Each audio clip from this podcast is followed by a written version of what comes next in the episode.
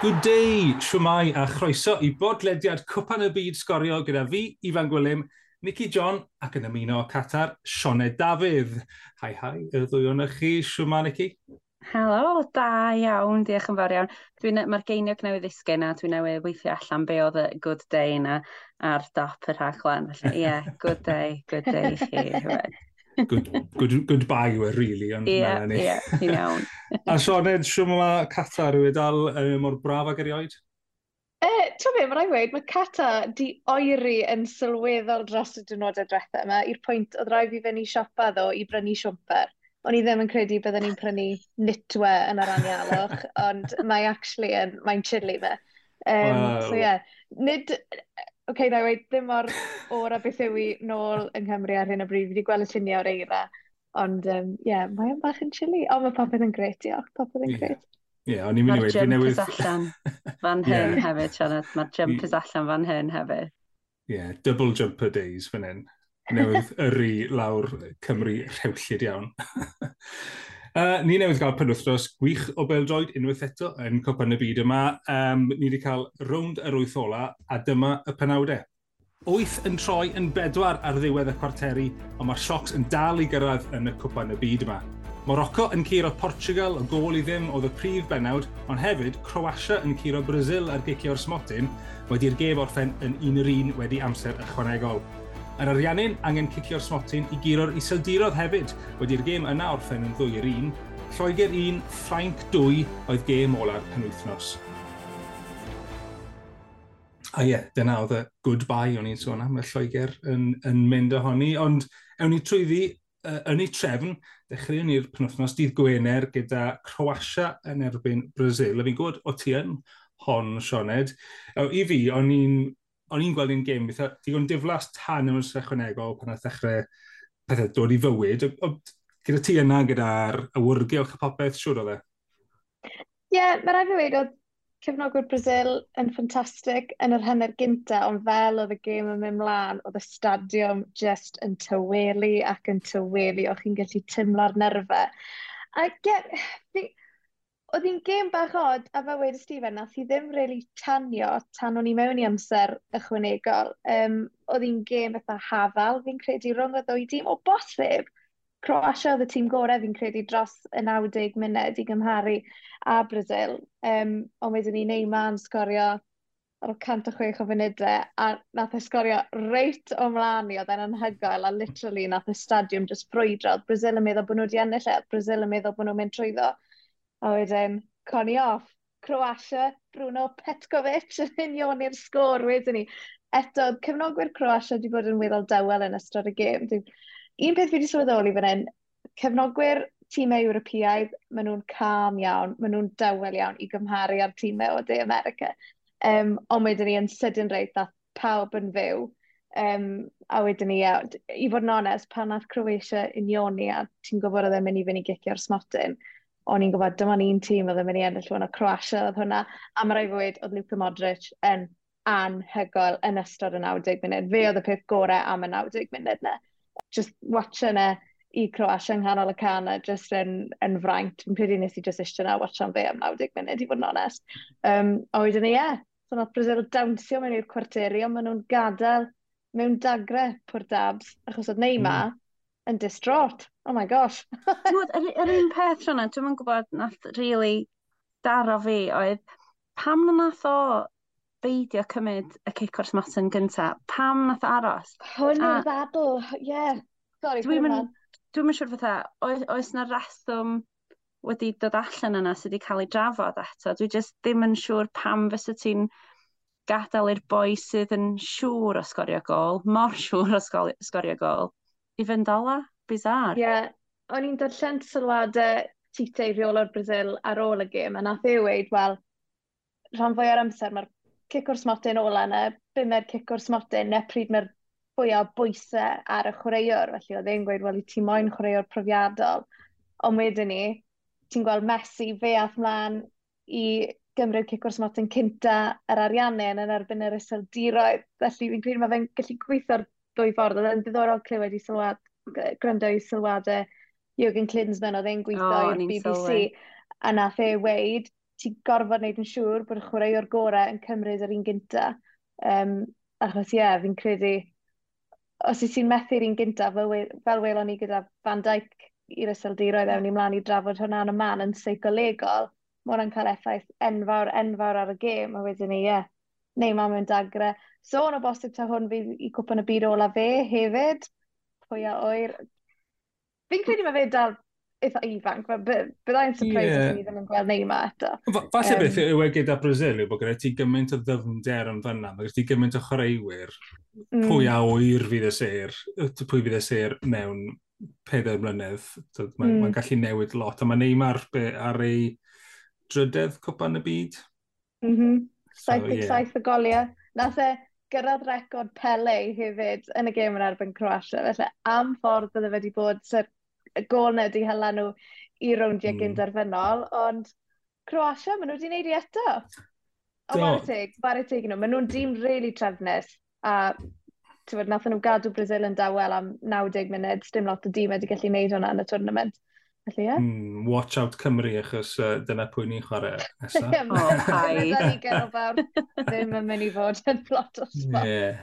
uh, yeah, wedyn ni, yn, yn y nos wedyn ni, iseldirodd yn erbyn yr ariannid a um, ie, Messi yn arwen y gad eto yn rhoi ariannin ar y blaen, ond rhaid fi wedi, am sawl gwaith yn ystod penwthos yma, er bod fi'n neutral, a na mae hwn yn digwydd i fi fel neutral, o'n i off yng nghadau ac yn gweiddi ar y sgrin, achos oedd yna rhai pethau ddigwyddodd, gan gynnwys y gol nath i nioni'r sgori sy'n dirodd, nath really cafu off yng nghadau. Nici, o ti'n gwylio hwn, rhyw hanner gwylio falle, fe gyda uh, partidolig?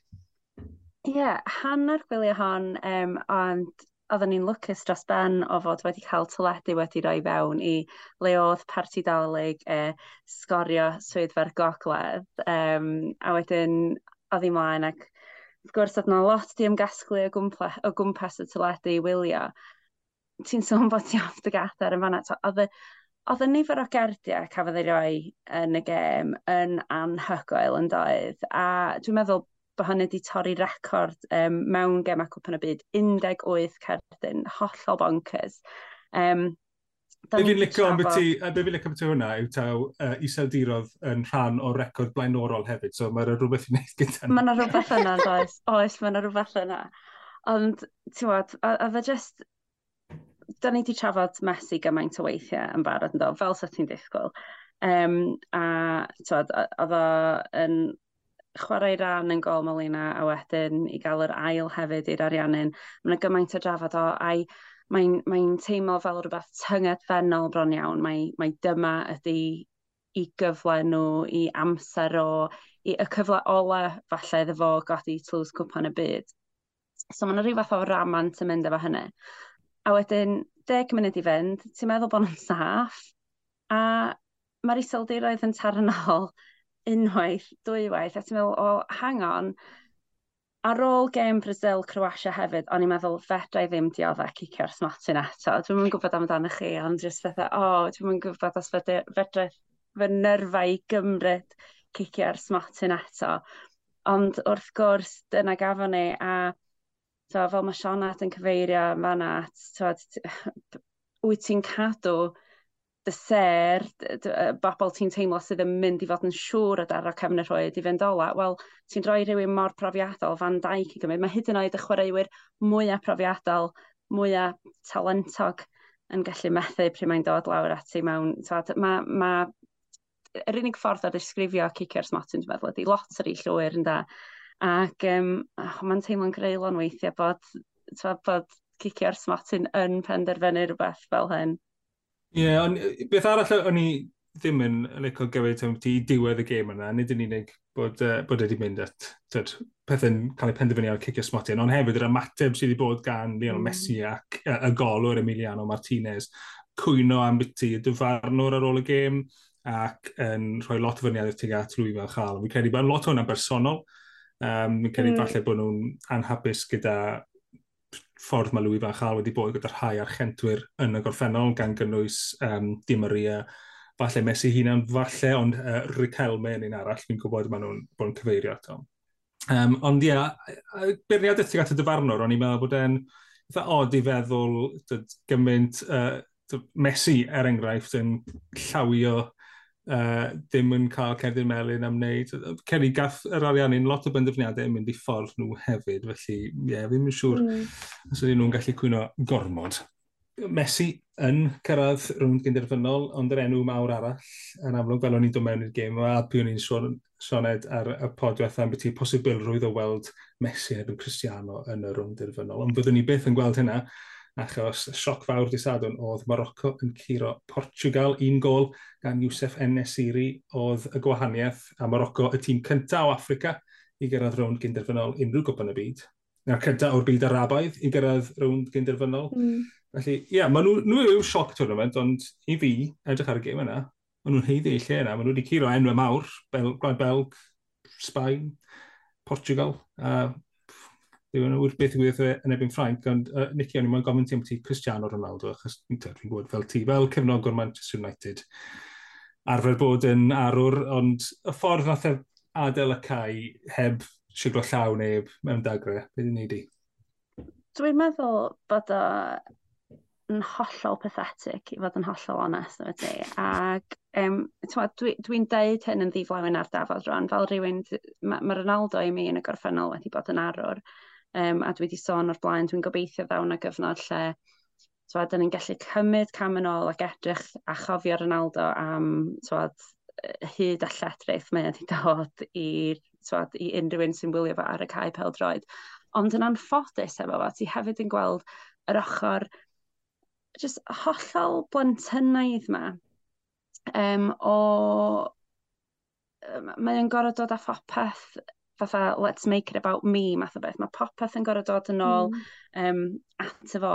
Rwan, tod, mae o wedi dod i fewn i'r ymgyrch yma deudydd o flaen llaw wedi cyhoeddi bod o'n gadw i glwb sy'n golygu bod yr holl benawdau ac ati neu unrhyw um, tod, datganiad i'r wasg ac yn y blaen, yr holl gwestiynau yn hytrach na trafod Portugal yn y dyddiau cynnar na wedi cael ei cilchdroi wedyn o gwmpas Manchester United a'i berthynasaf a'r clwb a lle mae Ronaldo yn mynd nesaf yn hytrach na bod nhw'n gallu canolbwyntio ar siarad am Portugal. Um, mae wedi wneud, oce, okay, da ni'n gwybod bod wedi sgorio'r gicor smotin na, di wneud i hun, yr, er, unig chwaraewr i sgorio mewn pum cwpan y byd, ie, yeah, anhygoel chwarae teg iddo fo. Ar ôl hynny wedyn, ti'n gwneud gymaint o ffys am y ffaith bod wedi cael ei eilyddio, a di wneud hynny mor gyhoeddus, neu i wneud ati efo'i reolwr o flaen camerau'r byd, dwi'n meddwl yn dangos just amharch llwyr ac aneud, fe, aneidfeddrwydd. A wedyn, tywed, y ffaith, mae'r syl, mae o'n i'n edrych, mae o'n i'n gwneud sylwadau ar y cyfryngau cymdeithasol heno, um, mae gariad o wedi wneud, A dwi jyst yn meddwl, ddylio bod ni gyd yn eistedd yma ac yn gallu llongyfarch Morocco am gyflawni camp anhygoel, um, am chwarae bêl-droed anhygoel, am, twad, yn amddiffynol maen nhw'n wych. Ddylio bod ni'n trafod be maen nhw wedi llwyddo i wneud ar y cae, ond yn hytrach na hynny, mae pawb yn siarad am Ronaldo, a dwi'n meddwl i fi, mae hynny'n dangos rhywfaint o, wel, amharch at gweddill i dîm o, a hefyd amharch hmm. at Morocco. Go on Nicky, pa dal nôl? Gweithio ni beth ti'n meddwl am Cristiano Ronaldo? Yn flin am hyn. Ond ti'n just fatha, oh yeah, come on Ronaldo, get over yourself man. Dych chi'n meddwl beth dwi'n meddwl? A o ran Morocco, Sioned, o ti yna, beth yw'r awyrgylch fyna? Bod nhw yn, teimlo bod nhw'n cynrychioli rhanbarth mawr o'r byd, y byd yr abaith? A no, fi'n credu y ffaith bod hwn yw'r cwpan y byd gynta i gael ei gynnal mewn gwlad um, le'n am bod muslimiaid yw'r brif crefydd fel yn Morocco, fi'n credu mae hwnna'n special iawn. A mae ma rai fi wedi, fi'n credu jyst Morocco yw'r stori oedd rili really eisiau arno ni ar gyfer y twrnament yma, achos mae cymaint o bethau trist, cymaint o bethau rili really siomedig wedi digwydd o ddi ar y ca mae gweld stori Morocco jyst yn ysgoffa ni o bam, pam i ni'n dwlu ar, ar Bale Drod, a mae fe jyst i bod mor mor special a gweld, oedd hi fel gêm gartre i Morocco nithwr, mae canodd ar filodd o gefnogwyr Morocco wedi teithio i Qatar.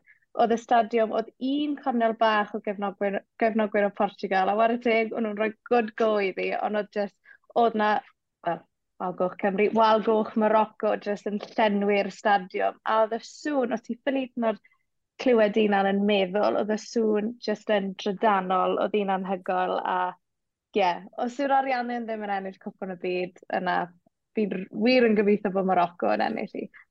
Os maen nhw'n mynd i, sa'n gwybod, that's a very big ask, ond just am stori. A Ifan, ysdi gyffwrdd yna fe, ffaith bod nhw wedi ware Croatia Gwlad Belg, Sbaen a Portugal. A nid yn unig di ennill y gemau yna, ond heb ildio gol yn y gemau yna. Mae hwnna'n anhygoel. Wel, mi fydden nhw'n gwynebu Ffrainc nesa, Lloegr 1, Ffrainc 2 y gêm ola. A gymaint o sôn cyn y gêm yma yn dod am Cillian Mbappe a sut oedd Kyle Walker yn mynd i gadw fe yn ei boced e.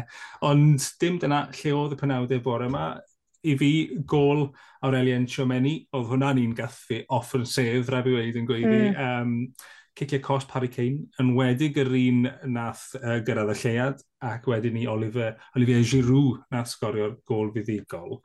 Uh, Sean, oedd hon yn un arall, gas fi wedi, bod ti yn y gêm. so, uh, gan, Cymru bod ti yn ganol y Ffrancwyr, neu oedd e'n edrych fel tor, tyd, môr o uh, dorf o Loegr na, mwy na dim.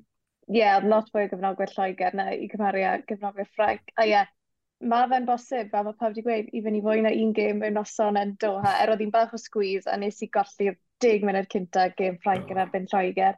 Ond, o, oh, mae'n rhaid i weid, fi'n symlo dros Lloegr, achos nathon nhw wario mor dda, nhw heb os oedd y tîm fwyaf proactif os lycech chi o ran y cyfleon nath nhw greu, ond ar ddiwedd y dydd, bach cliché, bach yn amlwg, ond golia sy'n ennill gemau i chi, a nes i ddarllen erthigol rili really dda ar y Guardian yn gweud, oce, okay, Lloegr nath ennill y gêm berffaith o ran, nath Gareth, nath Gareth Selkit siwr fod fynd i gwely yn oson cyn y gêm na, a oedd e'n dychmygu mynd trwy bennau be oedd e moyn i'w dîm e'n neud, a na'n gwmos be wnaethon nhw.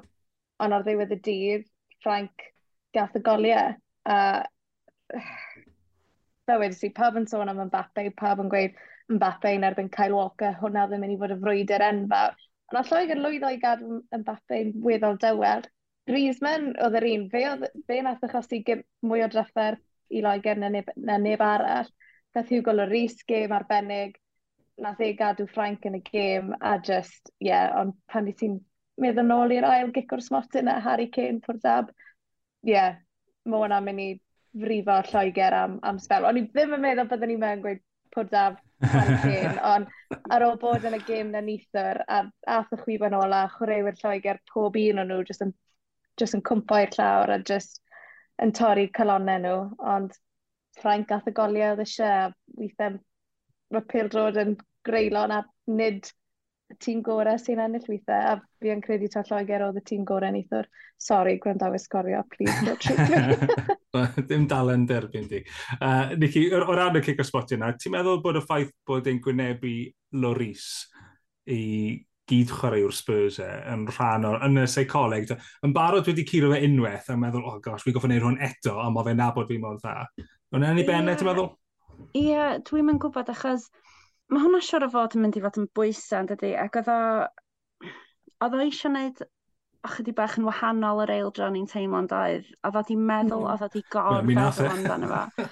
A, twad, wel, fel ti'n dweud, mae'n dal yn mynd i fyny heibio'r lleiad ar hyn o bryd, twad, fel da ni'n recordio hyn, dwi'n meddwl. Um, oedd o just, y pwysau wedyn, twad, i ben o lawr, a ti just yn meddwl, o'n i'n gwrando ar yr um, sylwebwyr ar ôl y gêm yn trafod diolch byth rili really, bod y wasg erbyn hyn chydig mwy caredig nag oedden nhw um, so, rhai blynedd oedden nhw, bod o ddim yn mynd i gael ei hamro bod o'n teimlo'n gyfrifol um, arbenn ei hun lle am y ffaith bod nhw wedi mynd allan. Achos ti'n gweld y mateb um, Jude Bellingham yn rhedeg draw at fo'n syth, fod yn gafel amdano fo, just ti'n gorau, I suppose, ti'n ti gorau, mae wedi digwydd a ti'n gorau symud ymlaen. Um, a dwi'n meddwl sa'n hawdd iawn jyst mynd i fewn i le lle, ti'n teimlo'n hollol gyfrifol am y ffaith bod dim wedi mynd allan. Ond ie, fel ti'n dweud, mae'n mae gêm seicolegol bron iawn. Ti'n gorau wneud y penderfyniad yna um, nath o benderfynu'n anghywir, so ta ta Lloegr.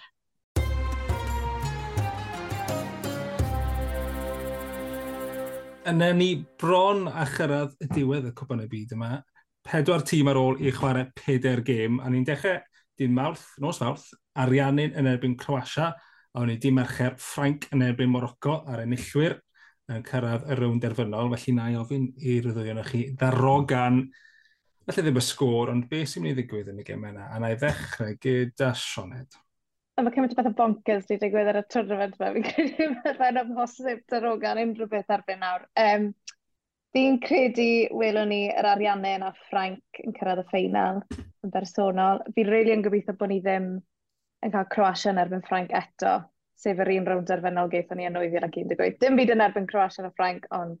Ach, ach ti'n moyn variety, fe? bach o variety, let's spice it up a little bit. Ond on, um, dyna ddigwyddodd yn 86 a 90, gyda ni yr un rownd derfynol, ond yn illwyr gwahanol, so falle bod Croatia mm. ddim yn mynd o pan yn Ffranc.